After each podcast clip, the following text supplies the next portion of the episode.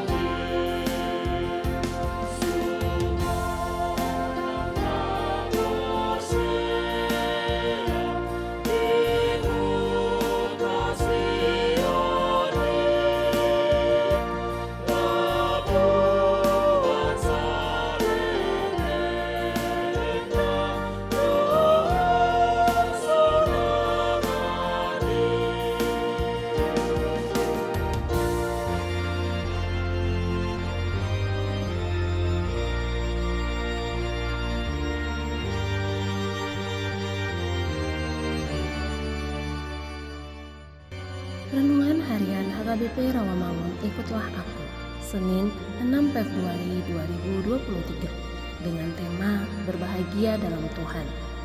Bacaan kita pada pagi hari ini diambil dari 1 Korintus pasal 7 ayat 25 sampai dengan ayat 40 dan bacaan kita pada malam hari ini diambil dari 2 Timotius pasal 4 ayat 6 sampai dengan ayat 18 dan kebenaran firman Tuhan untuk kita hari ini diambil dari Lukas pasal 6 ayat 12 demikian firman Tuhan.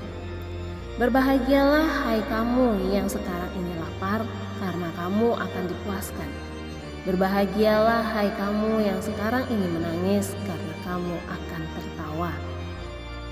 Sahabat ikutlah aku yang dikasihi Tuhan Yesus Apakah Yesus melarang orang hidup dalam kelimpahan dan menikmati kenyamanan merupakan dosa?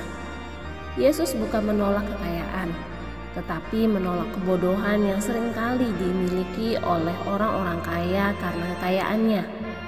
Orang kaya semacam ini merasa puas dengan kekayaannya dan menjadikan kekayaannya itu sebagai andalan dalam hidupnya.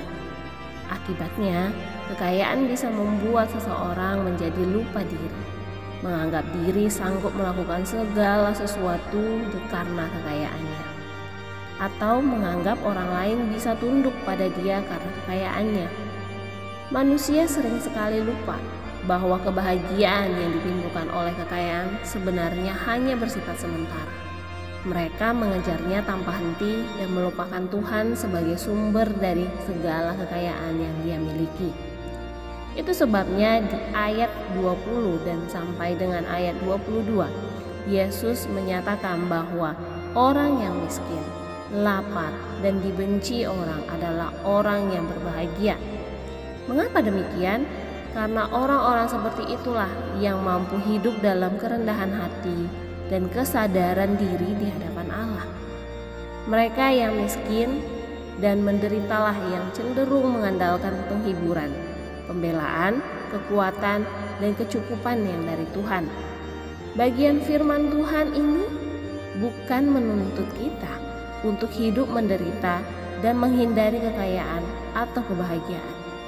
Kita justru sedang diarahkan untuk sampai pada pemahaman tentang kebahagiaan yang sejati dan dituntun untuk mampu menikmati kebahagiaan.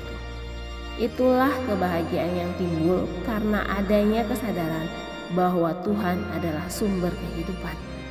Marilah kita menjadikan kekayaan sebagai alat untuk melayani orang lain dan melalui Allah dipermuliakan.